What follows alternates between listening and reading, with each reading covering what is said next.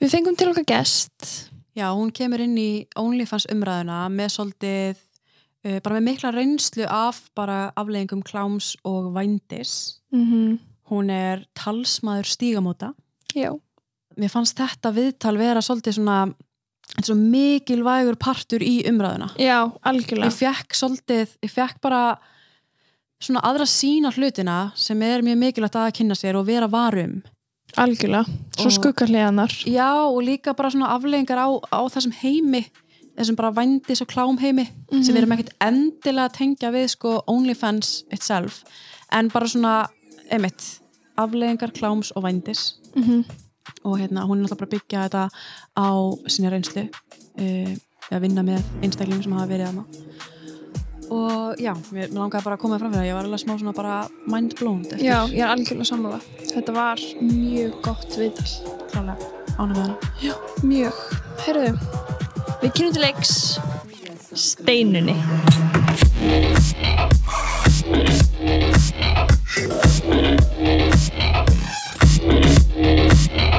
Að bjóða þið velkomna Steinun. Já, Já. Já, Steinun Gíða Steinun Gíðu og Guðjónsdóttir. og Guðjónsdóttir Já, betur Gíðu og Guðjónsdóttir Ok Þannig að mamma en og pappi Já, já, það var Ok. eitthvað svona fem, feminískur gjörningur hjá mér Já, ég var lítið bad. Ég fýla það, þú ert lítið Já, Nei hérna, Ok. og hef skrifað þetta svona síðan þá. Og hvað varstu gömul þegar þú Ég held, ég var eld, uh, 8 eða 9 ára. Ok, það er alveg snem. Já, það var bara einhvern svona umræða heima, eitthvað, ertu ekki dóttir ykkur begja? Jú, og já, best að skrifa mig þá, dóttir ykkur begja. Nei og, og svo var það þannig og ég manni ég skrifaði alltaf Gíðu Guðjónsdóttir fyrst í einu orði og það var, var þetta flæktist alveg rosalega mikið fyrir fólki og viss, fólk skildi ekki alveg hvað ég var að gera og það var eitthvað rugglast þannig ég bætti þess að þetta bandsriki og og inn í þetta til þess Ok. að gera þetta svona skýrara Vá, ég fýla það Já, skemmtlegt. Hvað hérna, fyrir þá sem þekkjað ekki Þá, hérna, vinnur þú hjá stígamótum Já, Þú, hvað gerur hjá stígamótum? uh, núna er ég sérst talskona stígamóta þannig ég eh, sé bara um að, að já, tala ofinbeglega fyrir samtökin en líka bara sinna öllu sem þarf að sinna, flest allt með samstagsfólk eru ráðgjafar sem að sitja í viðtölum með brotaþólum alla daga og er að sinna sérst ráðgjöfinni, þannig að ég ger allt hitt Og hvað ertu búin að vera lengi hjá Stígamót? uh, ég er búin að vera síðan 2011 Ok. með smá hljöf, fór í mastisnáf og svona en, en hérna, en annars já, vá, þetta er að verða tíu ár Ok. Hvað hann hvað ertu mentu?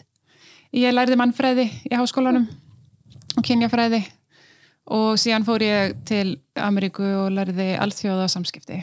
Mm, hvað hérna, fyrir þá sem vita ekki hvað stígamót gerir Hvað gerir stígamót? Við erum, uh, við erum hérna ráðgjafar og fræðslu með stöðum kynferðislegt ofbeldi. Þannig að við sem sagt, sko, aðal þungin í starfinu okkar er það að vera til staðar fyrir fólk sem hefur orðið fyrir kynferðsofbeldi og veita þeim stöðning og ráðgjöf. Og, og síðan hinn hlutin af starfinu okkar er að vera pólitísk græsrótar samtök sem, að vinnur í rauninni í þáu brotaþóla við það að breyta samfélagin okkar. Þess að vitundavakningin um kynferðsofbeldi breytingar á lögum um, forvarnastarfið, fræða ungmenni og svo framvegis. Þannig að hérna, ég, þó megin sko, þungin sé í ráðgjöfinni þá er hitt alveg jafn mikilvægt. Já, já, eru þið þá með fræðslefni í skólum og Já, ok. Við erum með herferð sem heitir Sjúk Ást sem er Já. alltaf einu á ári Eru þið með hana? Mhm. Ok.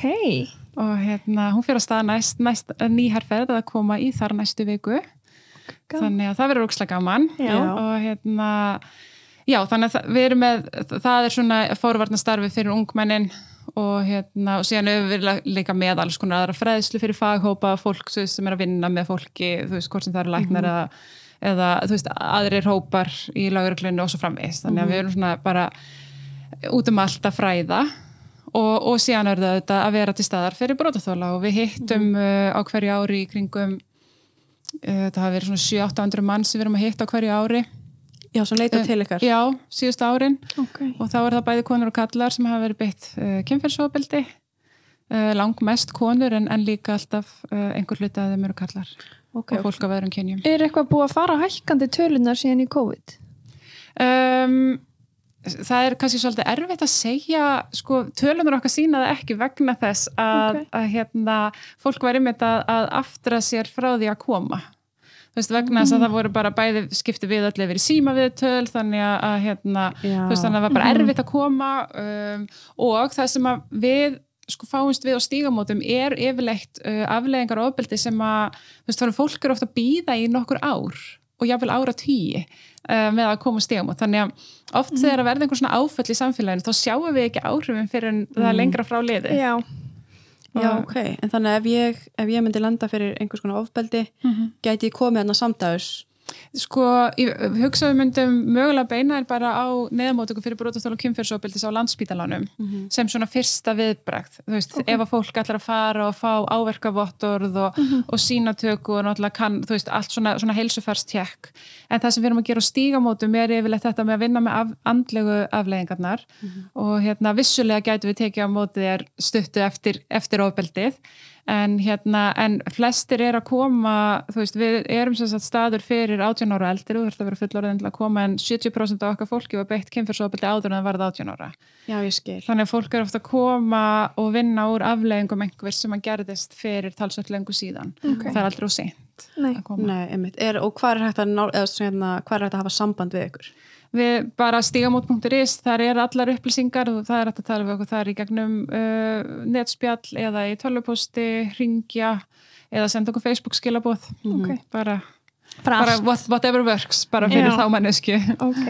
Hvað er hérna, hver er svona hérna aldurs, svona, hvað segir maður aldurshópur sem kemur til ykkar svona algengasti Já, 18-23 ára er Ok. stærsti hópurinn hjá okkur þannig og sko ef við skoða bara alla þú veist þá er me- meira en helmingurinn af þeim sem komið til stígamóti eru undir 30 þú veist þannig að þetta er rosa mikið ungar konur sem við erum að hitta það er svona kannski stærsti Já. hópurinn sem við hittum og hvað hva, hérna, svona, hvað er það helsta sem fólk er að koma inn fyrir það er um, sko, við fáumst við allar byrtingamindir kynfyrsopildi, mm. -hmm. sem að það eru kynfyrsopildi, æsku, sifjaspell stafrænt kynfyrsopildi, nöðganir uh, klámvændi, mannsal um, bara já, opildi nánum samböndum og svo framvegis en kannski lang flestir er að koma vegna nöðgana mm. og síðan eru líka alltaf mjög stór hópur sem er að koma vegna þess að við kallum sifjaspell sem eru rauninni bara kynfyrsopildi uh, sem er framið af einhvern sem stendur náinn badninu, sem sagt einhver sem er í svona hérna uh, tröst, á í tröst sambandi við badnið. Já, ok. Vá, ok, Áhugavert. já, mjög sko en hvað hérna eins og á stígamótum er þetta þannig að þú gist, gistur þar, er þetta svona Nei, þetta eru rauninni bara ráðgjafamistu, þannig við erum ekki atkvarf já, ok, og, hérna, og það eru þetta, hérna, það eru samtökum hvernig atkvarf sem að reka uh, atkvarf fyrir konur, er, konur og börn sem er að flýja heimilsofbeldi og þannig getur fólk komið í dvöl og það eru bara öndur samtök sem að sjá um það. Og síðan eru við á stígamótum með í þessar ráðgjafa starfsemi þannig að fólk bara pantar viðtal og kemur og öll þjónusta er ókipis þannig að þú bara fær þinn ráðgjafa og þið eru bara að vinna í rauninni með þunglindi, kvíða, skömm, sektarkend, mm -hmm. uh, áfallastreitu einkenni, allt þetta sem að fólk er að fást við í kjölfar kynfyrsopildis.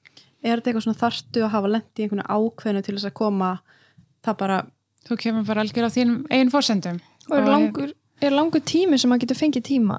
Eða svona það maður kannski ringir og pantar? Já, við erum reyndar alltaf að, að fást við það að við erum með talsett langan bygglista. Þannig að, að einhver sem að ringir í dag að senda okkur tölupúst þarf að allir líka að býða í tvo mánuði eftir að Ok. fá tíma.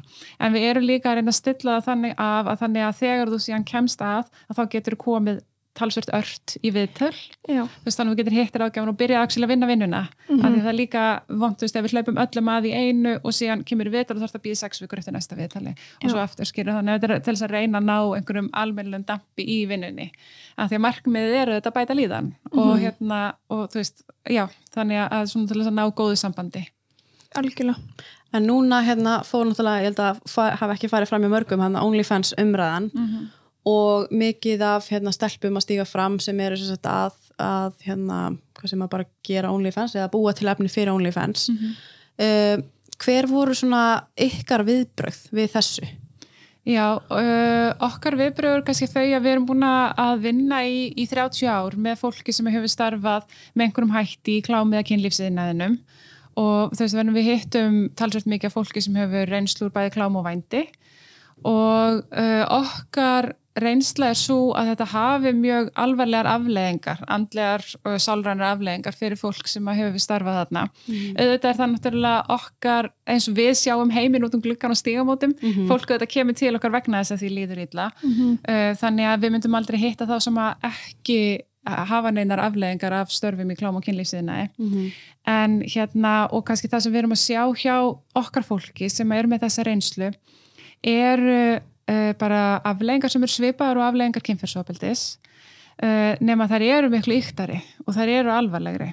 Þannig við sjáum þetta veist, þunglindi kvíði, skömm, sektarkend sem er þetta sem við erum alltaf að fást við léli sjálfsmynd. Og síðan sjáum við líka mjög marga sem eru að fást við sjálfsvíkshugleðingar, uh, sjálfskaða, ádraskanir uh, og áfallastreitu.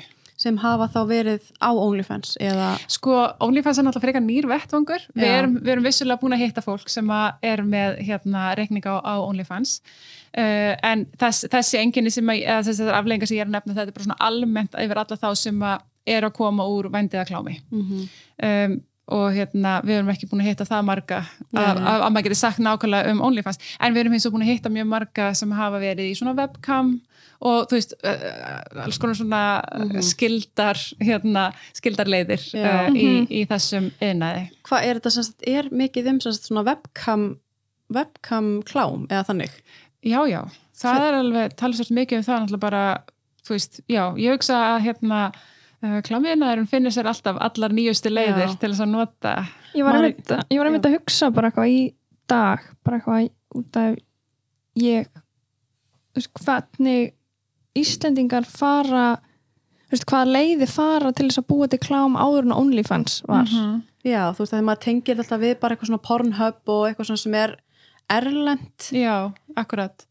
Já, sko, þú veist, við þekkjum alveg þetta með sko webcam Mhm. dóti sem er kannski, ég veit ekki kannski er skildar að vændi, þú veist, að því að þú ert með einhvern kuna sem er á hinum endanum um, en hérna veist, þannig að hérna við hefum kannski ekki orðið vör við einhverju svona stóra og mikla klámframleyslu á Íslandi en auðvitað þekkir maður það alveg eins og bara allt annað, maður, er þú veist, maður þekkir allar þessar byrtingamyndir en hérna, en uh, þú veist, og það sem er bara verið að framleiða eitthvað svona amatörklámi eða bara einhvers konar og svo er því komið í dreifingu hér og þar. Ok, og þar sem fólk fær borga, er þetta webcam dæmi þannig að þú, þú býr til efni og fær borga frá hann sem eru að horfa eitthvað Já, þannig? já, og er þetta live bara já, ég held að sé nú Já. oftast þannig, sko. Já, ok. Hvað hérna, er það þá af hverju, eða svona eins og konuna sem að leita til ykkar, af hverju hafa þær leitað í þessa lausn að vera að gera webcam og svona? Sko, kannski flestar af þessum konum sem hafa þessi reynslu sem komum til stígamóta eiga það kannski sammeðilegt að hafa verið beittar kynferðsofbeldi fyrr á lífsleðinni, oftast í æsku eða úlingsárum, sem þannig að það er búið að brjóta á mörkunum þeirra og hérna þannig að það er oft upplifað aldrei power í því að fara inn í klámiðnaðin og taka svona poweri tilbaka þannig að stundum upplifað er mjög mikla valdeflingu til að byrja með þegar það stíga inn í hann heimundur kannski konur sem er búið að brjóta marg oft á og, og einmitt það sem að fólk upplifir í kynferðisofbildi er það að missa valdið yfir líkamannu sínum. Og þá upplifa margar ákveði power við að fara inn í þetta. Og hérna um, þanga til að afleðingarnar kikka síðan inn þú veist, tilfinningarlegi dóðinn og aftenging við líkamann og allt það. En hérna þannig að það, það bæði það. Uh, síðan er þetta bara náttúrulega hópur sem er að fástu fátækt Mm. og, og sér þarna möguleika. Og gjarnan fara þessi tvö atrið saman að þetta eru konur sem eru að koma um fátökum bakgrunni eða eru virkilega að ströggla og hafa verið beittar kynferðsofbildi og þannig að það, það er kannski svona gegnum gangandi stef sem við sjáum hjá okkar fólki. Síðan eru þetta fólk sem eru að fjármagna neyslu líka sem að, að nýti sér oft alls konar uh, svona aðferðir til þess að, að gera það þannig að, ég held að ástæðanum fyrir því að fólk fari þetta, að, að, hjá okkar fólk það er yfirleitt mjög skiljanlegar. Og hérna, þú veist, maður sér alveg augljóslega af hverju fólk valdi, valdi þessa leið. Talaður einmitt um aftengingu við líkamann. Hvað meinar því? Sko, ég, ég held að, að hérna margir brotaþólar kynferðisofbeldis kannast við þetta uh, að, sagt, að uh, þegar ofbeldið á sér stað þá er eins og fólk fari út úr líkamannu sínum og sjáu sig svona utanfrá Það vill ekki vera á staðnum. Já, þetta er bara, ég held að þetta sé bara eitthvað skonar lífeðlisfræðilegt viðbræð við yfirþyrmandi ógnandi aðstæðum. Og hérna og, og það er þetta sem að margar konur sem að hafa verið á stígumóti sem hafa verið vændi hérna lýsa þessu líka. Að til þess að einhvern veginn að uh, kópa í þessum aðstæðum að, að, að geta haldið áfram í þessum aðstæðum að þá uh, þá gerist þetta, það er aftengjast í rauninni líkamannum á meðan vændið fyrir fram Mhm. og hérna um, það hefur bara þú veist, það hefur svona skadleg áhrif til lengdar vegna þess að, að það er oft erfitt að ná tengingu aftur við líka mann þegar maður er alltaf að aftengjast honum Mhm. Akkurat. En núna veit ég hérna, núna, eða svona já, þekki ég svona smá til uh, stelpna sem eru á OnlyFans Mhm. Og margar sem hafa kannski ekki endilega lendi í neinu ofbeldi en kjósa uh, einhver hluta vegna að vera þarna inn á. Mhm. Hvað er svona, er hægt að setja alla einhvern veginn undir sama hatt þar? Að þú veist, af hverju eru líka einstaklingar að velja þetta burt sér frá bara, veist, að þau, þau eru kannski með mentun og búin að gera allt sem svona samfélagi segja er að gera en einhvern veginn kjósa þessa leið Ég veit það ekki. Um, ég get svo sem náttúrulega ekki talað fyrir þessar konur Nei, af nei. hverju það er velja þetta. Og sjálfsagt eru örugglega margar ástæð fyrir því að fólk velur að fara í, í klám og vendi. En, en eins og þetta sem ég er að nefna þetta, þetta eru svona þessi gegnum gangandi stef sem við sjáum hjá okkur. Fyrir af ábjaldi og fátækt eða neysla. Þa, þú veist, og hérna svo auðvitað hittum að fólk sem hefur ekkert af þessu en er þarna samt og, hérna, og það er bara auðvitað einstaklingsbundnar ástæðar líka fyrir því að fólk fer inn í þetta. Já, er þetta að setja hérna, búið til erotist efni á netinu flokkast það undir vændi? Um, sko við tölum yfirlega bara saman um klám og vændi vegna þess að við sjáum yfirlega sömu afleðingar af þessu og þetta er svona partur af sama yðnaðinum og síðan náttúrulega erum við líka með talsast mikið af, af hittum talsast mikið af fólki sem er að gera bæði. Bæði þá bæði að framlega klám sem er á netinu og að selja vændi. Já, er það? já, Já, ok, þannig að og búið til klám við, þá á OnlyFans eða já, eða einhverjum svona svipuðum veitum. Ok, Þú veist, að það voru aðrar veitur áður en það varð OnlyFans. Emitt og hérna, þú veist, byrja kannski byrja í webcam, fá ekki nægilega mikið uh, upp úr því færa sig þá yfir í vændið. Þú veist, það er alls konar leiðir. Sumi byrja í vændinu, finna sér síðan aðra leiðir í, í því að selja í gegnum einhvers konar svona internet-based. En hvað finnst þér eins og um bara OnlyFans? um, sko þú veist, ég, ég upplifi þetta alveg sem svolítið varhugavert sko, bara út frá þessu að hérna sko, ok, það er eiginlega kannski tvent í því. Það er annars vegar þetta að, veist, ég hef áhyggjur af ungum konum sem fara inn í þetta og gera sér mögulega ekki grein fyrir sko afleggingunum, þannig að mér finnst bara rosalega mikilvægt að koma þeim skilabóðum út þannig að fólk geti tekið upplýsta ákverðun um, um að, að fara þessa leið. Og, hérna, og líka viti að ef þau finna fyrir hérna, andlegum uh, áskorunum í, í kjálfærið ást þá er alltaf uh, stað og stígamótum. Mm þess að geta komið og hittir áðgjöf og, og fengið stað, stuðning við að vinna úr, úr afleggingum um, þannig það er annað, svo er hitt náttúrulega sem er bara þú veist þessi normalisering á því að kaupa sér aðganga konum. Og hérna og, veist, og það er eitthvað sem við höfum bara alltaf áhyggjur af á stígamótum vegna þess að það sem við erum að fást við í kynferðisofbildinu er einhvern veginn þessi þetta entitlement að, að, hérna, að gerendur kynferðisofbildis einhvern veginn telja sig eiga rétt á þessu. Annars myndið er ekki gera þetta þeir líta greinlega á konur sem einhvers konar viðfeng sem þeir mega, mega brjóta á eða eiga rétt á kynlífi og svo framvegis. Og bara kynlífs yðnarinn í heilsin einhvern veginn ítir undir þessa hugmyndir um að konur séu alltaf available fyrir kalla þannig að hérna uh, og fyrir utan náttúrulega bara öll mannréttinda brotin sem eru í hinn stóra klám yðnaði og OnlyFans náttúrulega kemur fyrir sjónið sem svona nokkuð safe space. Skilur það kemur, þú veist maður upplifir að, að þær konur sem eru þarna sem eru að selja að þær séu nokkuð vel við stjórnvölin þannig að því leitinu til lítur þetta út fyrir að vera svona frekar örugt en í stóra samhenginu er þetta bara ein pínu ponsulítil byrtingamind af risastórum yðnaði þar sem er verið að versla með konur. Mm, eh, já, þannig að það gæti orðið þannig að OnlyFans, það gæti orðið mannsal og eitthvað svoleiðis inn á OnlyFans. Já, ég, ég meina allavega sko sem kaupandi inn á OnlyFans Sest, ef, ég er að, sest, ef ég er að subscriba og ég er að borga einhverjum ég get náttúrulega aldrei vitað hvernig manneskjan hefur það á hinum endanum. Ég Nei, get ekki vitað hvort að hún sé að stjórna þessum akkánti sjálf eða hvort að sé einhver pimp eða mannseljandi sem er að, sem er að stýra og stjórna öllu dæminu veist, þannig að þú veist, sem kaupandinn þá getur ekki mögulega vitað hvað er í gangi hinum einn og vegna þess að OnlyFans er bara plattform. Og það er þetta, er þetta misnota alla þessa plattforma. Mm -hmm. veist, hva, hvaða nafni sem þeir nefnast. Þannig það er alveg hægt að vera að selja efni af, af, uh, af börnum eða selja efni af manneskum sem er ekki aðna fúsum og frálsum vilja. Mm -hmm. og ég þakka alveg hjarta og segja börnum. Já, já, emmitt, það hérna auðvitað, já.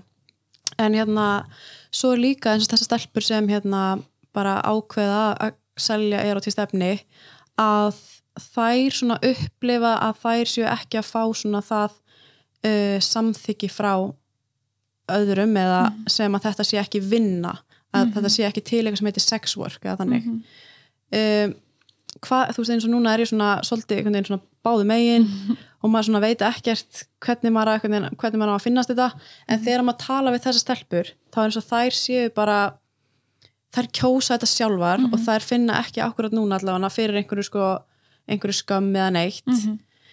er einhver, þú veist, að því maður veit einhvern veginn að það verður alltaf markaður fyrir þessu það er ekki mhm. alltaf markaður fyrir klámi er meikar eitthvað sens að vera að hérna, ó, að gera þetta ólöglegt sko Ég, ég veit að það eru þetta, einmitt, þetta með að það verður alltaf markaðar fyrir klámi.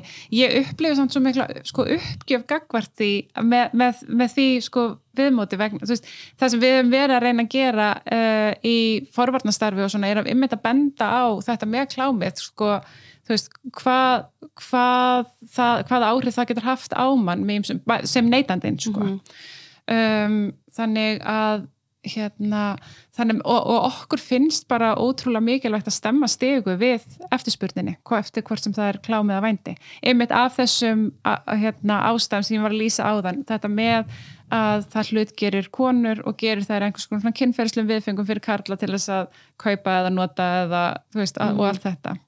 En nú er til dæmis ekki verið held ég að selja sko, aðganga líkama einhvers, mm. eða sko, þú getur ekki keift kynlíf, mm -hmm. en þú getur keift efni -hmm er það sama eins og, eins og ég sá að þið gaf út eitthvað svona hérna, líkaminn, eða hvern líkaminn sé ekki markasvara, mm -hmm. er það þó mynda hérna bara klámi yfir höfuð mm -hmm. sé bara alveg off eða þannig? Já, eða, já í rauninni sko, þú veist, einmitt bara þetta að stilla konum upp sem einhverju viðfangi til þess að nota það, það er algjörlega sá hérna þaðan sem við erum að koma mm -hmm. og hérna þú veist að því að við sjáum einhvern veginn afleggingarnar af því að þú veist þetta er, það er verið að að stilla konum upp þannig að þær séu kynferðsli viðfeng og já, það er basically það sem við erum að segja mm -hmm. og hérna og þetta með sko, með lögjöfina því þú varst að spyrja því á þann um, hérna við erum náttúrulega með ansið gallaða lögjöf á Íslandi núna varandi klám sko per se sem hefur aldrei, aldrei virkað. En sem að þurfti kannski að endur skoða núna í ljósi þess að það eru komna nýjar leiðir til þess að, að framlega klám og dreifa klám og allt þetta. Eh, en varandi vændi þá höfum við á stígumótum alltaf stutt þessa sænsku leið sem er það að sagt, leifa alla sölu á vændi og í rauninni þá myndum við, við algjörlega styðja það að leifa alla sölu sagt, uh, á klámi sagt, frá eins og, eins og þessar ungu konur sem eru að framlega sjálfar en að þetta banna kaupin vegna þess að við viljum reyna að draga úr eftirspurninni. Af því að það sem við höfum séð þar sem að, að uh, kaup á, á vændi eru, eru leið að þá sprettir alltaf bara upp en þá meira markaðurinn stækkar bara og að og þá fáum við fleiri konur sem eru með alvarlegar afleggingar eftir starf í kynlífsiðnaðinum. Mm. Já, hef, hefur það, ég sá, las eitthvað hérna eins og núna í Nýja sjálflandi er ekki, sem sagt, það er leift bara mm. bæði kaup og sala mhm. -huh. og það var eitthvað leift árið 2003 eða eitthvað -huh. uh, og þar sáu þau einmitt ekki aukningu -huh. í bæði bara kaup og sölu Já, sko ég, ég er eiginlega ekki alveg að fara alveg inn í hérna þetta með Nýja sjálflanda því ég mhm. þekkja bara ekki alveg nægilega vel en bara það sem við þekkjum í nágrannalöndunum okkar sem eru Holland, Þískaland, Danmörk þar sem að, að kaup eru lögleg og sala er lögleg að þá hefur við bara séð uh, þú veist, bara hérna kynlýfsinn bara springa út sko og stækka alveg gríðarlega mm. Okay. með hérna tilheyrandi innflutningi á konum frá fátakari ríkjum mm -hmm. uh, og mannsali sem að fylgja því okay. Svo fór ég að hugsa hérna eins og þetta hérna þegar þú mátt selja þig en þú mátt ekki kaupa mm -hmm. uh, er einhver tenging á milli að því að þú ef ég hérna má, semst ég má selja mig, en hann sem er að kaupa mig, hann veit að hann er að gera eitthvað sem hann má ekki. Þannig að þá kannski hann á það til að nota kannski ekki rétt nafn, ekki réttar upplýsingar. Þannig að ef ég lendi fyrir ofbeldi að þá einhvern veginn er ég í þannig stöði ég veit ekki hver þetta er í hefingar upplýsingar. Þannig að svona Já, ég hef alveg heyrt þetta, sko, þú veist, eh, ekkert af þessu eh, endurspeglar sögur hvernana sem við heittum á stígamótum. Þú veist, við erum búin að vera með þessa lögjafa á Íslandi núna í síðan 2009 eða 10 og, og þú veist, þetta er ekki, þetta endurspeglar ekki þeirra reynslu, þær þekkja nú yfirleitt kúnana mjög vel og Ó, hitta ok. þá ymmit út um allan bæ, hitta þá í kringlunni, hagöp og skilji, þú veist, þannig að hérna, og ég, ég veit ekki, kannski er það bara því að landið okkar er lítið, að það er kannski bara alltaf erfitt að fela sig á bakvið uh, fölskunöfn og svo framvegis. Þannig að, að akkurat þessi punktur hefur ekki ekki orðið til trafala fyrir þær konur sem við hittum á stígó. Ok, þannig að hérna, já. Ég gati eitthvað svona, einmitt svo las ég líka hérna, þú veist að, þeir kannski að þess löggan getur í rauninni um, nota sönnugögg frá smokkum og annað. Já, og þá kannski eru þeir líklari til þess að nota ekki smokk og... Já það er unni það er endar alveg rétt í þeim löndum þar sem að bæði kaup og sala er, er ólögleg Mhm. Uh, það, ég held að sé alltaf mjög mikilvægt í hvaða land í heiminu sem við erum að tala um að salan sé í rauninni af glæpavætt, Mhm. löguleg þar að segja að, sagt, konur og karlar sem að selja vændi, að þau séu ekki sagt, að fremja glæp með því, mm Nei. vegna að það er akkurat það sem að gerur þau útsett fyrir alls konar áreiti uh, hvort sem það er að hendi lögreglu í, í löndum þar sem er til þess mikil lögregluríki eða það, það, það skerðir aðgang þeirra heilbyrðistjónustu Mhm. uh, aðgengi að getnaða vörnum og kynsjúkdóma vörnum og svo framvegis um, en í með sænsku leiðina þá höfum við ekki orðið vör við þetta að, að hérna að konur sé að veigra sig við því að, að nota smokka eða neitt slíkt sko. Mhm. um, en uh, þessi leið hefur náttúrulega líka verið farin sko aðalagi í, í vestrænum uh, ríkjum í Evrópu. Mhm. ég veit ekki nákvæmlega hvernig hún myndi koma út í, í, í þróunalöndum eða löndum þar sem er mikið áreiti af lauruglu en hérna en allavega hér hefur við ekki, ekki orðið vör við þetta og ég, það hafa heyrt alls, hefur alls konar önnur rauk eins og þetta að það megi segja fólki upp leigu ef það er að selja vændi úr húsnæðinu sínu. Ég, ég, ég, ég veit ekki nákvæmlega hvaðan þessar hugmyndir koma en það allavega ekkert af þessu höfum við rekist á. Ok, á stígamótum. Ekkert af þessu höfum við rekist á í innleggingu þessara sænskuleðar á Íslandi í það minnsta. Mhm. En trúur því að stelpunar sem eru kannski að um, búa til erotísk stefni að þær muni ekki lendi því að finna fyrir einhverja aflega er möguleiki að maður getur bara gert þetta til lengdar án þess að uh, finna fyrir einhverjum andlum kvillum já, Já, er ekki allt hægt? Ég hugsa það sko. Það er allt, ég held að allt er möguleiki. Um, þú veist, eins og ég segi, þá er það ekki, við hittum þær ekki á stígamótum, mm -hmm. uh, en að sjálfsögðu það hlýtur að vera hægt að koma vel út úr þessu. en ég hens vegar, mín tilfinning er svo að það sé fleiri sem að koma illa út úr því heldur en hitt. Mhm. En vitum við að það sé kannski meira hlutfall af konum sem, sem finna fyrir skadalegum afleggingum frekar en, en konuna sem er að gera þetta bara fúsum og frálsum vilja. Mm, nei, ég, ég held að við veitum ekki vegna þess að það er til óskaplega lítið að einhverjum tíðni rannsóknum um það hversu algengt það er að konur stundi vændi. Og þá uh, tíðni rannsóknir sem að, inn, innihalda líka uh, hérna, spurningur um afleggingar það ég held bara um, þannig að allar, allar tölur og, og, og sem eru til um þetta eru byggðar á því hvað hjálparsamtök eru að sjá. Svo sá ég eitthvað hérna á netun svo einhver posta á Instagram hérna að kynlýsvinna að þar væri til dæmis erotísk nudd líka undir. Mm er, er hérna væri myndir þú sjá fyrir þér að hérna, þetta gæti orðið atvinnugrein sem sagt bara kynlýsvinna og þá væri það bara erotísk nudd og hérna búa til erotísk stefni og, og það væri bara, fólk væri bara í stjættafélag og, og svona haldið svolítið utanum þetta. -hmm. Úst, er það, væri það til dæmis einhver leið? Sko, mér finnst það ekki og það sem að, að samtöki í Þýskalandi hafa verið að sjá er það bara að stjættafjölinn þar treysta sér ekki eins og til þess að setja minimum standard á það hvað helst vera örugar hérna, örugar aðstæður fyrir fólki í, í vændi sérstaklega uh, þú veist að þetta, þetta er alltaf algjörlega í, í hérna þvert á allt það sem, alla lögju sem við hefum sett um vinnu. Þannig að, að hérna uh, já, eitthvað mjög erfitt með að setja þetta beinlinis inn í, inn í þann ramma. Um, og einhvern veginn að setja þetta sko, ég veit ekki það er náttúrulega þegar maður er búin að hitta margar konur sem eru með áfallastreitu í kjölfar þess, þessarar hérna uh, í kjölfar vændis og kláms þá ég er bara einhvern veginn, ég á mjög erfitt með að setja það í samingi við það að vera bara venjuleg vinna. Mhm.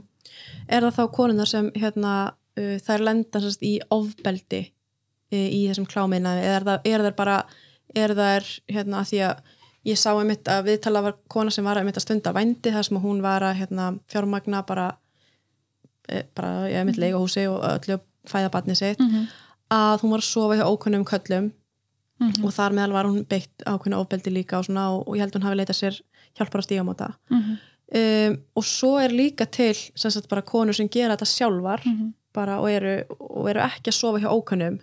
Er hægt að setja þetta undir sama hatt einhvern veginn? Já, ég held nú að, að sko flestar af þeim konur sem við heitum að stíga mótum er að gera þetta sjálfar. Þú Já, er þær það? Já, þú veist, þeir eru að auglýsa bara í gegnum engamál eða einhverja af þessum, þú veist, stefnum út að síðum, sko. Mhm. Þannig að ég hugsa, ég hugsa meiri hlut en sé þannig, þannig að þessi færri sem eru með pimp eða Mhm. einhvern annan sem er að, er að stýra og stjórna. Um, en það breytir í samt ekki að þær eru komnar á stígamót. Um, ég vei, ég, svo, sem- við höfum aldrei tekið nákvæmlega saman sko uh, hvort þar hafi orðið fyrir sko auka lægi af ofbeldi í vændinu vegna þess að við lítum á vændi sjálft sem ofbeldi Mhm. en hérna það er ekkit endilega allar sem að lýsa í þannig. Veist, það er bara, bara það eins og ég var að lýsa á þann að það að, að, selja vændi getur haft þessar skadlegu afleggingar en síðan er auðvitað annað, það er þetta með mörkin. Það er þetta að þú, fer, þú stígur inn í vændi að klámi einhver ákveðin mörk, ég ætla að gera þetta. Mhm. og svo byrjar áriðið, ertu til að gera þetta? Ég skal borga þetta fyrir að gera þetta. Uh, hvað þú núna, þú veist, og það er bara nei, nei og svo kemur já, þú veist, og þá er búið að þennja mörkin og svo er haldið áfram og það er endalist áriðið frá kúnum sem annarkvort eru tilbúin til að borga meira eða verða ókunandi eða snúa sér einhvert annað Mhm. sem eru þetta líka, þú veist, að þær eru aðeins oft vegna þess að þær þurfa á, á peningunum að halda um, og þá er aftur mörkin færð og það er, ég held að sé, það sem að sem að veldur líka þessum andlegu afleiðingum. Og gerir eitthvað sem þú vildir kannski ekki endilega gera Já, Já. þú gerðir margfald, margfald meira heldur en ætlaði er nokkuð tíman að gera Mhm. og, og, og það er það sem að setur oft í þeim. Mhm. bara sjálfsáliti kannski Já, það, það bara, þetta hefur bara áhrif á sjálfsmyndina um, og bara, þú veist, og hefur líka einhvern veginn áhrif á hvernig þær upplifa virði sitt sem manneskja að hérna, þú veist, um, finnast þær vera einskisvirði og, og allt það um, þannig að, hérna, þannig held sér ekki endilega þannig að, að bara þær sem að lendu í einhver svona ekstrím nöðgun í vændinu og það séu þær sem finna fyrir afleggingunum heldur held ég að sé einmitt bara öll flóran Mhm. Ok, ég, ég fór um þetta að pæla eitthvað svona okkur, við erum hérna með einmitt stelpu sem er kannski að auglýsa sig á engamál og segir hérna með, ég til já, ég veit ekki hvernig þetta virkar en hún vil sofa hjá, hjá einhverjum sem hún þekkir ekkert fyrir pening. En mögulega gerir þetta af einhverjum öðrum ástæðum en hún vilja til að sofa hjá honum. Hún kannski þarf peningin uh, að svo erum við kannski með stelpur sem farin á OnlyFans og eru ekki að sofa hjá neinum ókunnum. Þar eru sjálfar bara að ég veit ekki hvað er að gera en, en selja eru til stefni bara með sjálfum sér og jafnvel einhverjum vini uh, en eru ekki að fara út í þetta sem svo kallað vændi. Mm er, er ekki að aðskilja þessar hluti? Um, þetta eru auðvitað ólíkt að einhver leiti en ég held að, að hérna, og ástæðan fyrir að við erum ekki aðskilja er vegna þess að við sjá, sjáum við sama ferli fara að stað, það er þetta með mörkin. Þú segir fyrst nei, nei, nei við einhverju og svo gerir það og mörkin þennjast út og þú veist, allt þetta. Þannig að við sjáum það mjög gjarnan með svona hérna klámveitur.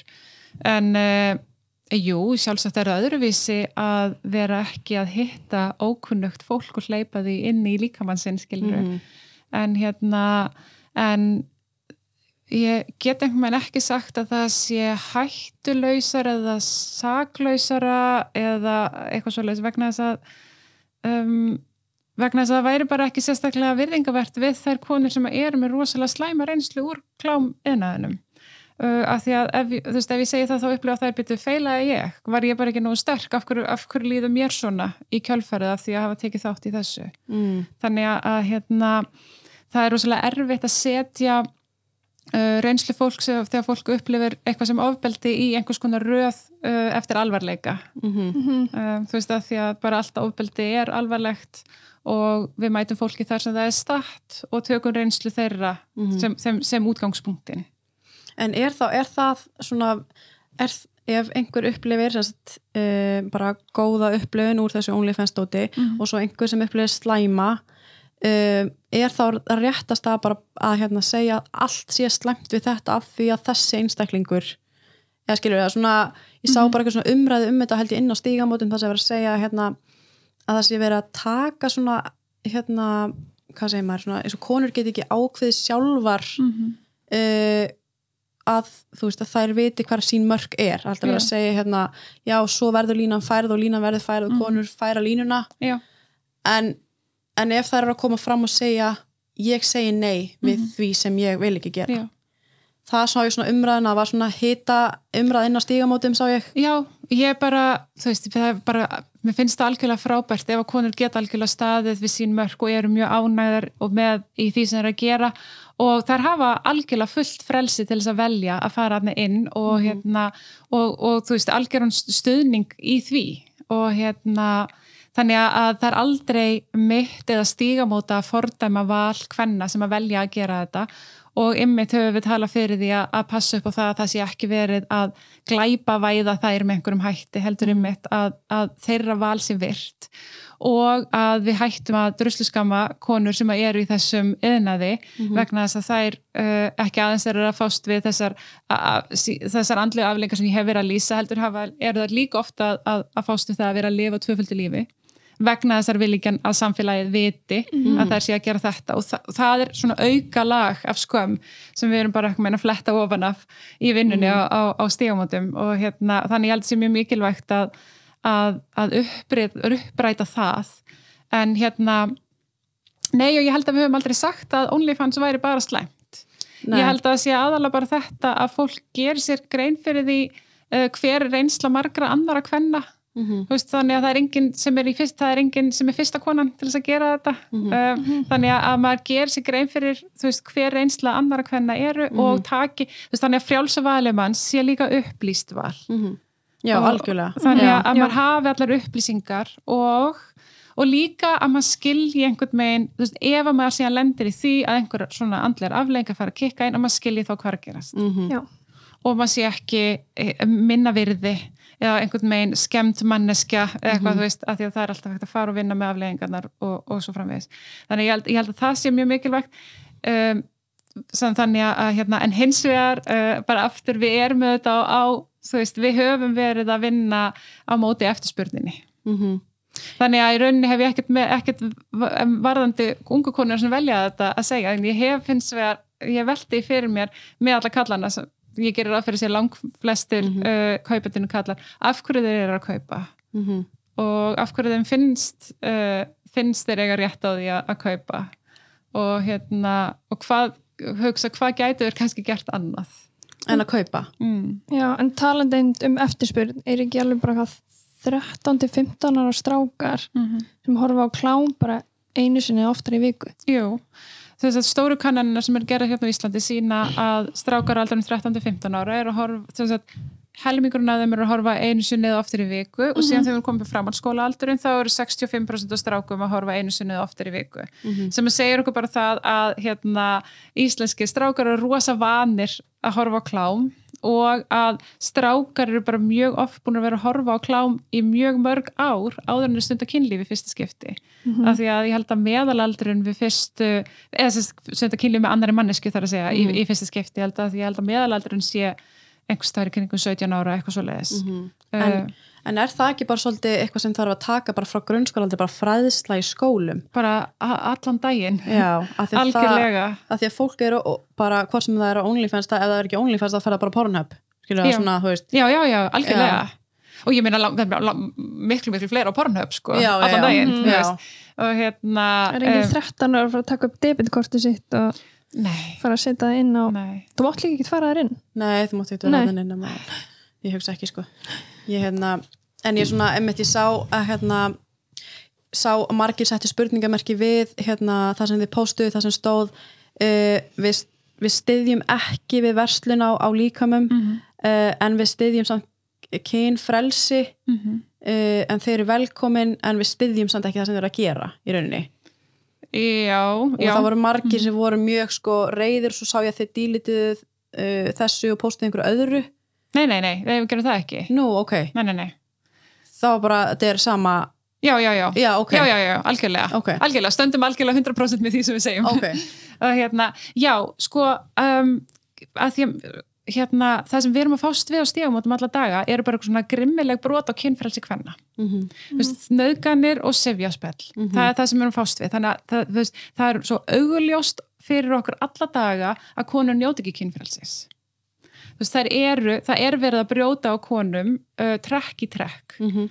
og hérna og þetta er kynbundið að því leiti að, að lang flestir brótaþólarnir eru konur yfirgnæfandi meiri hluti gerandan eru, eru karlar og hérna þannig að, þannig að við erum alltaf að, reyna að finna út í hvernig getum við skapað heim þar sem að konur njóta raunverulegs kynfrelsis Mhm. og það sem við upplifum með, með klámvæðingunni og með kynlífsiðnaðnum í heilsinni er með, við upplifum ekki að þar sé kynfrelsið að finna. Ég upplifum með þar bara svona framlengingu af því að karlar hafi tilkall til líkama kvenna. Ég veit að þetta hljómar kannski pínleiti svona eitthvað, uh, þú veist, abstrakt einhvern megin, þú veist, en En hérna við erum sko mannsal í kynlífsiðnaði er einhver stærsta skipulega glæpastarfsemi í heimi Mhm. og veldir margfald meira heldur en fíknefna businessin og, og hérna verslun með, með vopn gerir. Okay. Veist, þannig að, hérna þannig að það að uh, fólk hafi frelsi til þess að fara inn í kynlífsiðnaðin sko það er, það er bara svona lítið brota brot af því sem við erum að sjá í stóru myndinni þar sem að konur eru sviftar kynfrelsi sínu til þess að fara inn í þennan yðna til þess að uh, þóknast í rauninni einhverjum löngunum karla sem vilja horfa. Mhm. og hérna þannig að það, það er það sem við erum að meina þegar við segjum okkur finnst ymmit sala á, á líkumum hvenna standa í vegi fyrir kynfrelsi. Það er akkurat þetta að það er alltaf verið að stilla konum upp sem einhverju sem að karlar hafa stöðugan aðgang að Mhm. og það er það sem við erum að fást við með nöðgannar þegar karlar taka sér aðgang að konum og Já. leifa sér að nöðga vegna þess að þeir letu svo á að þeir eftir rétt á því sem þeir kannski heldu að væri kynlíf en var í rauninu ofbeldi Mhm. þannig að hérna aðan í okkar huga er það að kaupa síðan þennan aðgang og borga fyrir hann og stunda jafnvel miljóna viðskipti með þetta er einhvern veginn bara svona ennþá en verið ekstrím framlenging af þessu Mhm. En er væri, væri alveg galin hugmynd að, rauninni, að fræða fólk einmitt að þessu að hérna auðvitað um, bara er munur á því að hérna nöðga og að kaupa vídeo af einhverjum vera stunda kynlíf. Mhm. Þú veist, er, væri, væri alveg galin hugmynd að, að þetta er því bara allt farið í skóla þannig að ef þetta hérna OnlyFans dót væri bara löglegt í rauninni sem það er, eða ekki? Eða, það ég, ég veit það alveg nei, Nei, sko í rauninni af samkvæmt, lagabókstafni þá er sko framleysla og dreifinga klámi ólöglega á Íslandi já, ok, þannig að þetta Já, er ólöglegt. Já, þetta er ólöglegt En- það er enginn að fara fram, framfylgja því, það er enginn að fara að gera neitt í því Ó, já, Nú, ok, er ok. það? Nei, En þannig að ef þú gefur upp hjá skatti uh, þú, þetta eru tekjurneginar fyrir þú þarf að gefa upp hvað hann fæst Mm. þessar tekjur já ef þú segir sem sagt bara ég veit ekki hvað, OnlyFans eða eitthvað þú veist, ætlu stofnir ekki bara entertainment eitthvað, skemmtana, skemmtana fyrirtæki ég veit það ekki, en ég Mhm. allavega það, það, sem sagt, það hefur sára sjaldan verið framfyllt þessari löggjöf um, um, um ok. framlýslu dreifinga klámi. En þetta er náttúrulega content líka bara síða. já en ég var svona að pæla núna að koma þessar stelpur bara fram í viðtali og bara hæ, ég er á OnlyFans skilur og hérna þessar eru að kaupa af mér klám. Mm uh, ég meina og svo bara gefa upp hjá skattinum eða þetta er alveg vita þannig þannig Já. ég myndi svona, ok, ef þið er ekki verið að framfylgja þessu þá er einhvern veginn bara svona, þetta er löglegt eða eitthvað svo leiðis að, hérna, að þetta yrði bara algjörlega löglegt þú gæti farið þarna inn og, og selt efni og svo væri bara fræðslan tekin í skólum.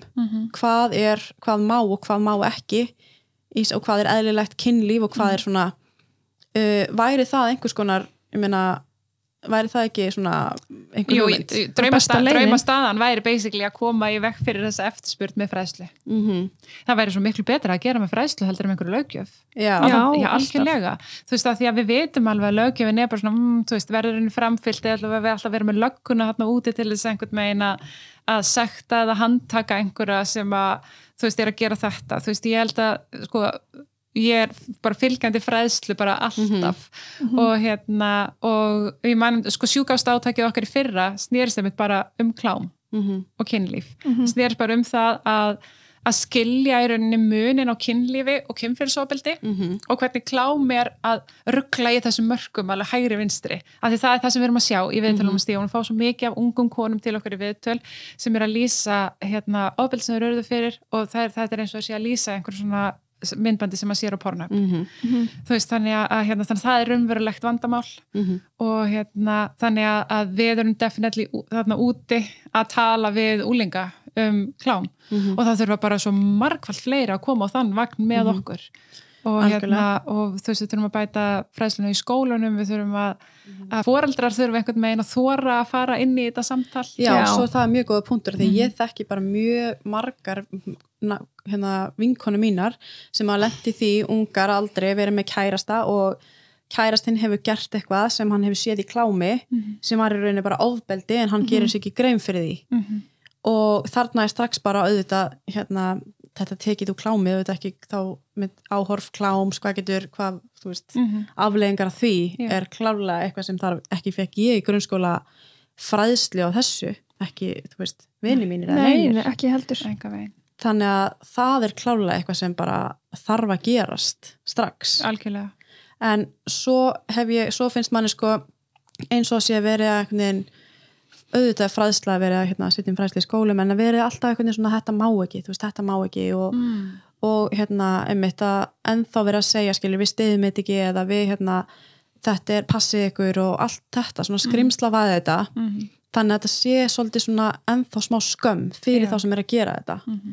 þannig stundum velti ég fyrir mig svona hvar raunverulega liggur vandamálið. Já, sko ég held allavega í, í fræðslu, það skiptir rosa miklu máli hvaða nálgun maður með þar inn. Mhm. og, hérna, og við pældum alveg svakalega mikið í þessu þegar við vorum að fara inn í þetta klám átaki í fyrra.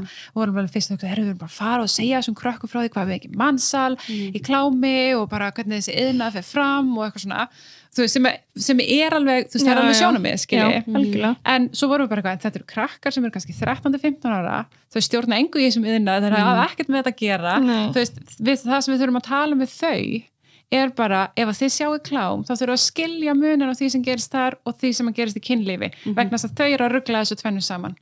Og, hérna, og við þurfum að tala um þetta án skammar. Þú veist, við þurfum ekki að fara að skamma neitt hérna fyrir að horfa klám við þurfum að fræða um það hvaða áhrif sem sagt, þú veist, bara að það svo þú sér þarna, þú veist, að nú getur tekið einhvern megin, þú getur horta og hugsa hmm, er, er þetta það sem ég er til að gera eða ekki? Og, og, þú veist, og þannig að þú gerir grein fyrir að þetta er ekki endla það sem að hérna, framtíðar bólfélagi er til í að gera já. og svo er margt bara að annað er ofbeldi og annað er kynlíf sko. Já. Mhm.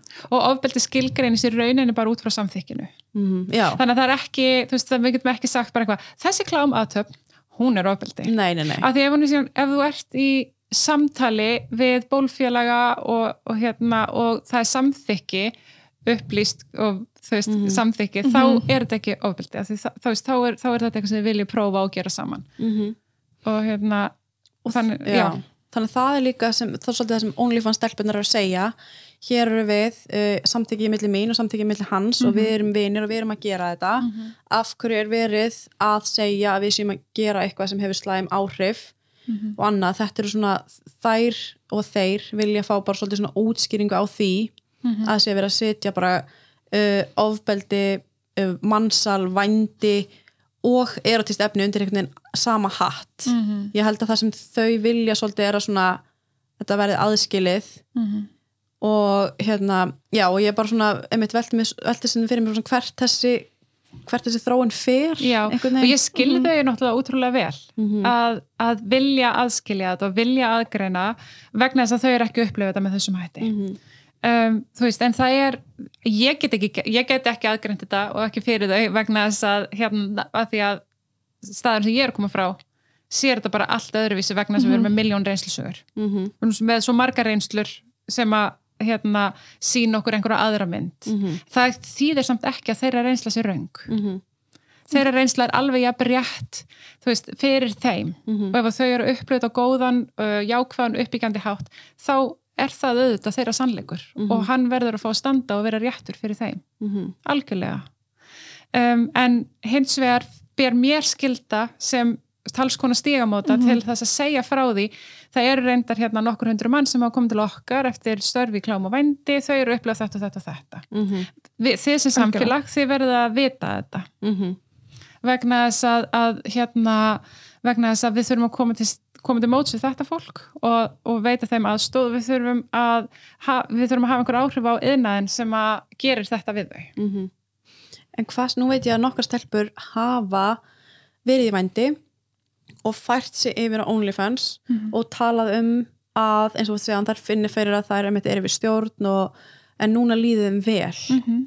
hvað hérna hvað má svona, er það er þetta einhvers konar svona í rauninni á þetta rétt á sér? Uh, Já, auðvitað, ég meni ef, ef að það er upplifa meira öryggi á OnlyFans Mhm. þá er það auðvitað alveg rétt. Og, hérna, og, og það er útrúlega skiljanlegt einmitt eins og ég var að nefna á það er skiljanlegt að þú, þú upplifir meiri stjórn þarna.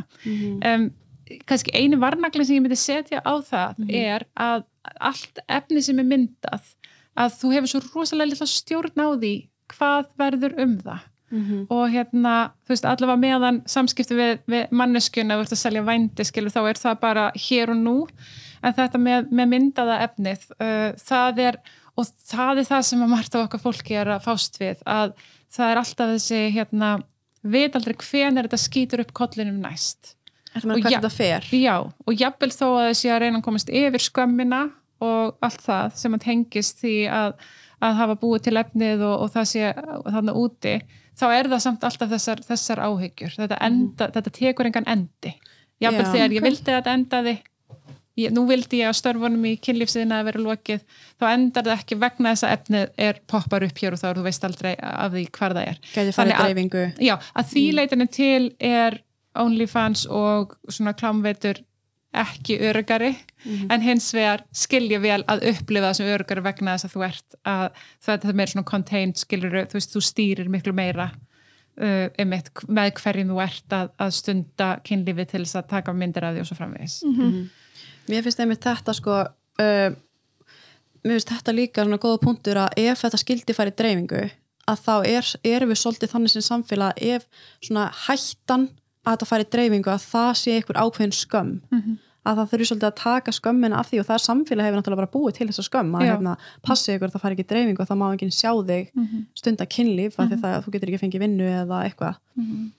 Að þarna, þú veist, er ekki líka bara komin í fræðslu inn í skólum þar að þú veist að það er allt í lægi þótt að þetta myndband Jú. fara einhvert. Jú.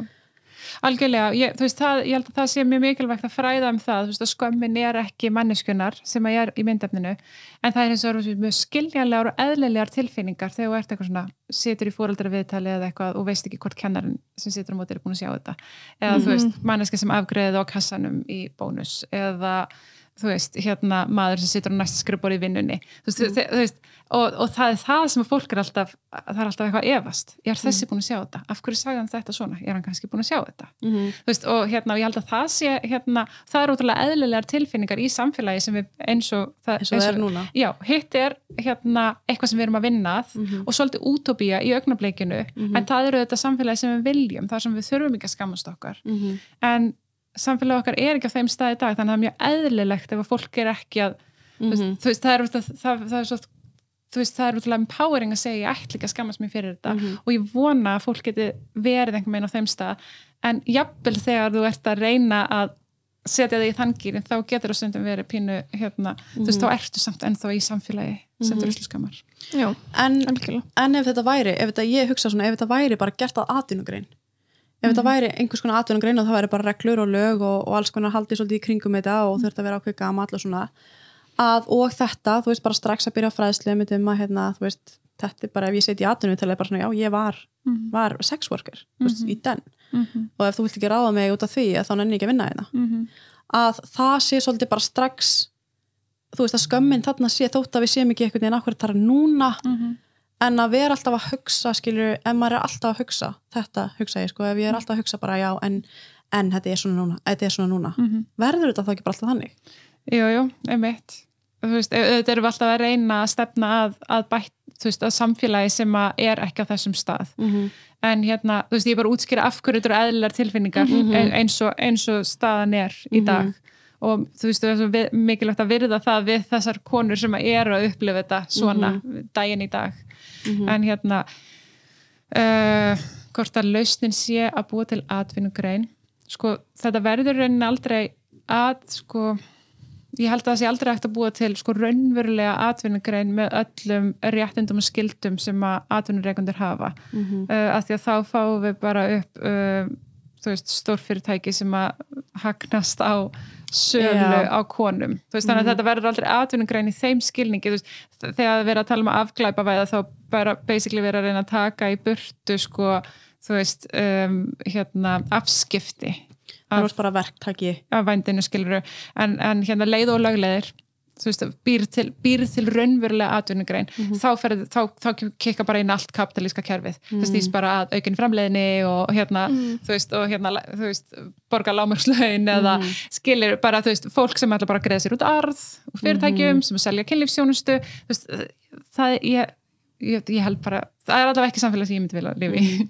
En er það ekki svolítið raunin akkurat núna? ég hef heyrt að fólk á OnlyFans er bara með fyrirtæki entertainment, business Já, og, fyrir sig sjálft Já, já, fyrir sér Já, sjálf Já. það er bara það er stórkoslu mögunar á því að vera með fyrirtæki utan um sjálfan sig eða að vera, þú veist, ef ég ætti fyrirtæki og ég væri með hundra konur í vinnu og ég væri að greiða sjálfur mér út arð og eina sem ég gerir er að sitja á skrifstofinni þú veist, það er bara allt annað. Já, mér finnst þið smá svona farin að sjá þessa þróun að sko emitt eins og þeirra bara með þessar stelpur sem að standa upp fyrir sjálf sér ég sex worker og eitthvað svona að hvort að þróunin sé einhvern veginn að fara þangað að fólk stopni bara fyrirtæki kringu sjálf sig og segi bara ég er feminist og ég er sex worker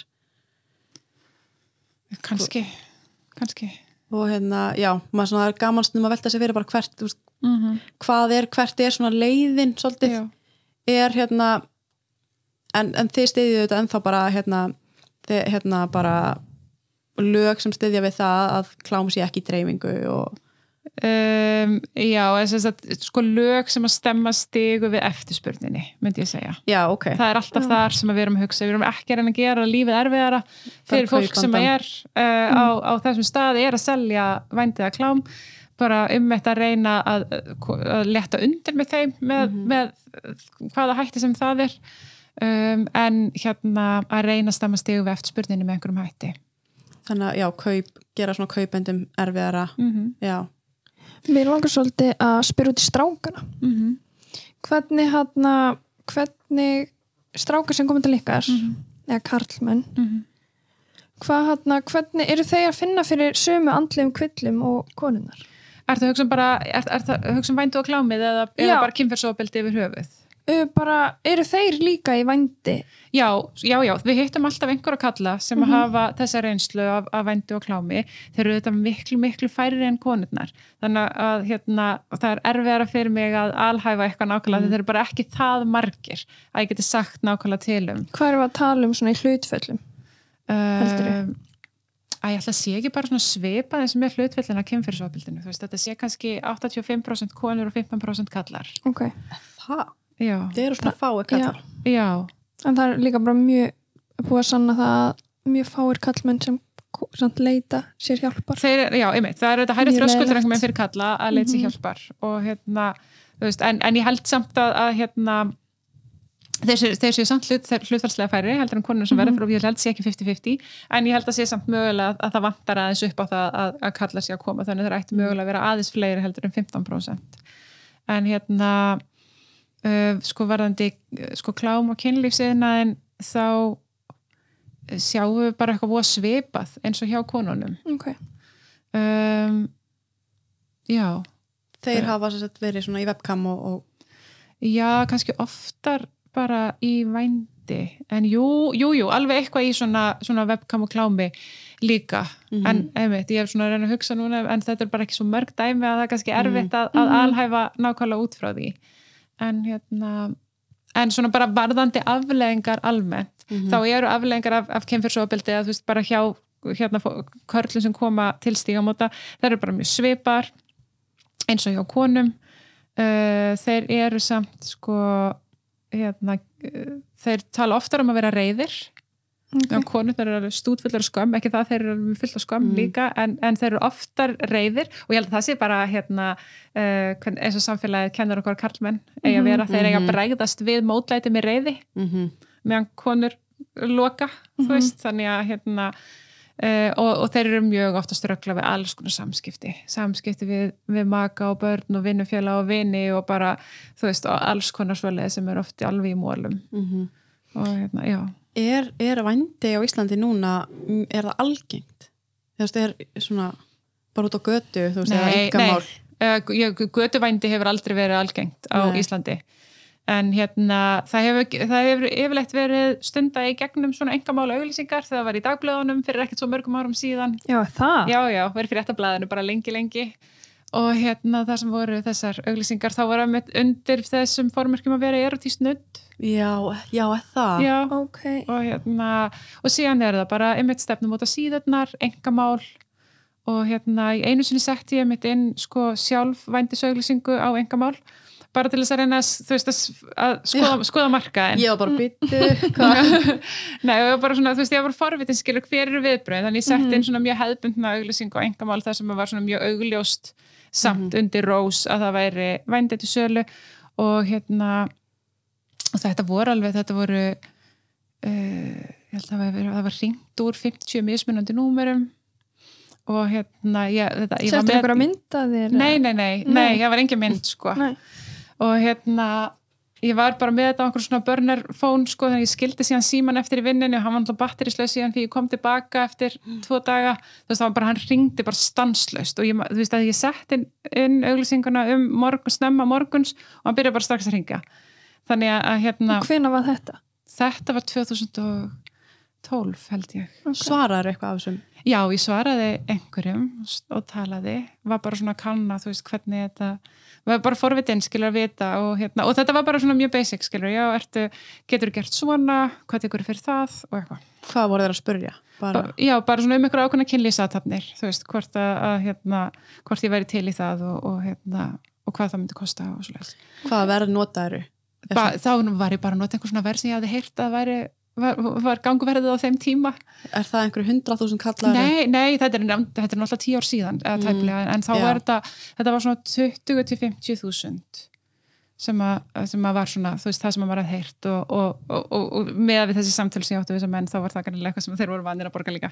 Þannig að hérna sem veist, þannig að þetta segði mér bara einhvern veginn, já, já, ok, það er alveg nóga eftirspurnana úti. Mhm. þú veist, þannig að hérna það voru, það voru mjög margir mismunandi sem að ringdu og sumir einmitt voru ekki, ekki að ringja úr leininúverum þannig ég bara flett upp símanúmerinu og skoða það á Facebook og kíkt á myndir af konunum þeirra og bennunum og já, það. þú veist, þannig að, að hérna og ég mitt og þú veist, flestar rannsóknir sína að þeir sem kaupa vændi eru oftast giftir menn og hérna, þú veist, þannig að þetta er bara áhugavert sko að því að við erum náttúrulega svo rosalega oft með fókusin á fólkinu sem að selur. Einmitt. á konunum sem verða fyrir kynfyrsopildi eða konunum sem er að selja OnlyFans eða konum sem selja vændi.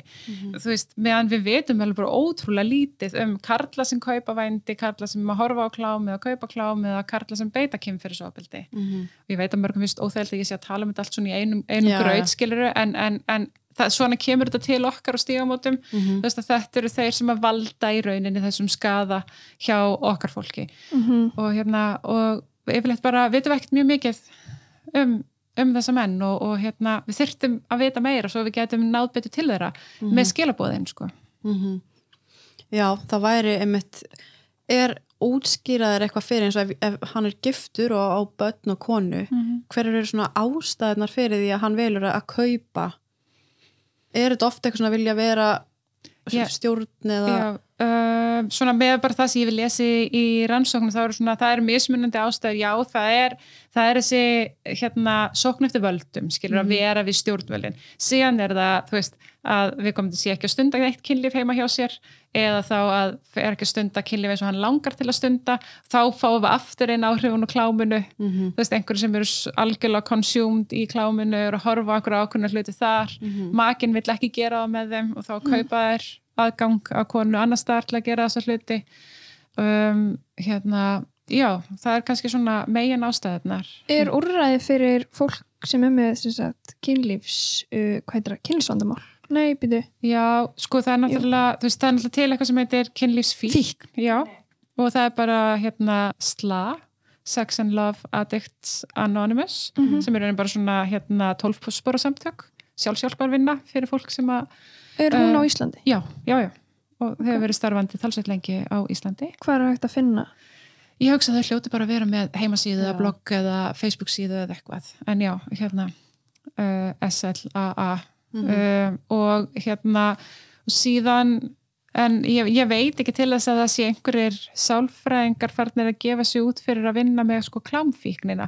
En ég held að það ég held að það hljóti nú að vera eitthvað svona svið sem ansi margir þurfa að fara inn á vegna þess að við erum bara í rosalegri sprengingu í klám áhorfi við höfum aldrei haft svona brjálaðslega greiðan aðgang að klámi og við erum einhvern veginn bara svona í félagslegri tilraun í augnablikinu með núna stóra kynslu sem er að koma upp sem að byrja mjög unga horfa. Mhm.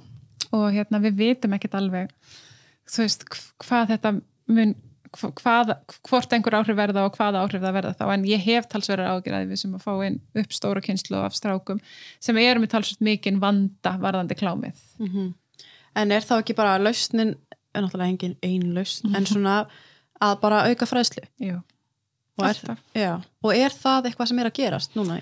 Uh, já, það er alveg það er alveg hlutir í gangi. Uh, það var verið að það er núna forvarna átlun í gangi á vegum fórsættisráðans og nokkra ráðuneyta þar sem er verið að vinna að, að bættum forvörnum kynfyrsofbildi í skólum sem að snýst basically um fræðslu.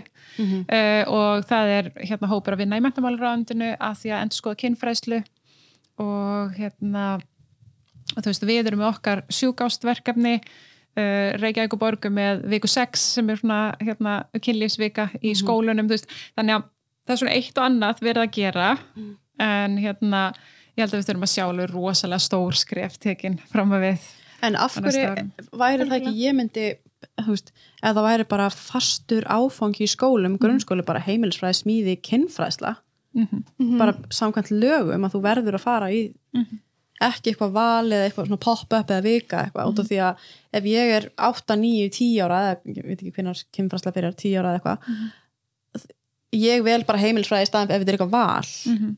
Að þetta er því bara fastur liður þannig að þetta er bara kent Já. allt þetta. Ég held að, ég held að lang flesti krakkar myndu hérna, alltaf velja að, að fá kynferðslu, þú veist, krakkar er algjörlega sjúkir í að fá upplýsingarnar og fá samtalið, skilur og hérna, en þessu er bara ekki gert nægilega hátt undir höfði í hérna námskrá og það er ekki kannski nægilega skýrt tekið fram í aðalnámskrá grunnskóla hvað á að gera í kynferðslu og með hvað hætti.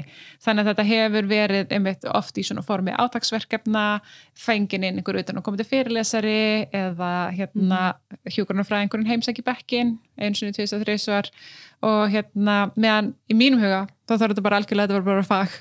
Þetta er bara kynfræðsla, sambandsfræðsla uh, og, og, með, og með kynjafræði líka þannig að þú fáir líka skilningin á sko, hvernig staðalímyndir kynjana hafa áhrif. Mhm. Mhm. þú veist að því við göngum stöll inn í eitthvað hlutverk þú veist eftir því hvaða kynu okkar hefur hvaða kynu okkur hefur verið útlitað og sérstaklega þegar við förum inn í samband þá göngust við mjög gjarnan inn í einhver bara handrit sem að við skrifum ekki en okkur eru rétt og maður byrjar að spila eftir einhverja handriti í, í hérna þegar maður er að deyta eða þegar maður ætlar að sofa hjá og svo framvegis þannig að það er svo mikilvægt að vera einhver með meðvitaður um þessi hlutverk líka og hérna til þess að, að hérna, þau gleipum hann ekki bara. Já, Algjörlega. bara miðað við allar þessar tölur og, og ofbeldi og klámaðingun og allt þetta finnst mér bara no brainer þessi 2021 og við erum ekki komið með þetta sem fag í grunnskólum. Mm -hmm. Þú veist, það er Algjörlega. bara það er galin hugmynd. Já, Ég líka man ekkert hvað sagði við mig þegar ég var 12 ára um píkun á mér sko. bara, bara sem hún sagði í hálftíma og fór. Já, ég akkurat man það ekkert heldur. Nei, Ég veit það. Og þetta er mitt, held, og þetta, þetta er partur auðvitað af þessu að, af uh, svona skömminni sem fylgir í að tala um kynlíf. Að hérna kennararnir oft veigra sér við að fara inn í þessu umræður og svona þægilegt að það kemur utan að koma til kynfræðingur að stíga Mm. mót koma bara og svo kemur hjúkurnarfræðingur inn og þú veist, eitthvað svona, kemur bara einhver svona að græja þetta já, já, já. Og en hérna, það er líka ótrúlega skrítið að þetta sé svona ennþá svo ótrúlega eitthvað Mhm. Þetta er bara partur af öllum. Kynlíf og bara kynvitund og, þetta er bara þetta er ótrúlega gamaldags. Já, algjörlega. Fólk er bara, það er eitthvað svo hrættum um að mistiga sig. Svo hrættum að segja eitthvað eitt vittlaust og vera það bara eitthvað mm. hérna, einhvern veginn útskúfaðir eða eitthvað. Og hérna en, en ég veit ekki, þú veist, ég er alltaf einhvern veginn bara eitthvað, ef við tölum bara um mörk og samþykki, Mhm. byrjum bara öll samtöl þar og við erum alltaf að tala um mörk og samþykki þá, veist, þá hljótum við að geta lenda á báðum fótum hérna Mhm. ekstra Já, inn í þessu. Alveg sammála sko. Ég hérna, já, ég bara eh, hérna, veit ekki hvað ég að segja meira. Ég, veist, ég þetta tók mér svo mikið jafnvægi þetta, hérna, þetta skul ekki vera fag. Maður verður svo Já. reyður Já, út af við sjáum bara ofbeldi og, og nöðganir og þetta, þú veist, ofbeldi samböndum. Já, við sáum þetta bara, tölunar bara hér mm við, ég veit ekki um eina vinkonu mína sem hefur ekki orðið fyrir einhvers konar annarkvort nöðgun áreiti, ofbeldi. Það er ekki eina. Nei, ég sammála sko. Þannig að þetta er eiginlega bara þetta er svona smá, maður verður bara svona þetta er bara óþjólandi Þetta er og þetta á óþolandi. ekki að vera svona. Mm -hmm. og það er ekkert að breyta þessu með því að, með því að fræða. Mm og bara einhvern veginn vekja fólk til vitundar. Algjörlega vonandi gerum við það. Það, já. við hérna ætlum bara að þakka þér fyrir að fá að koma, Já, takk.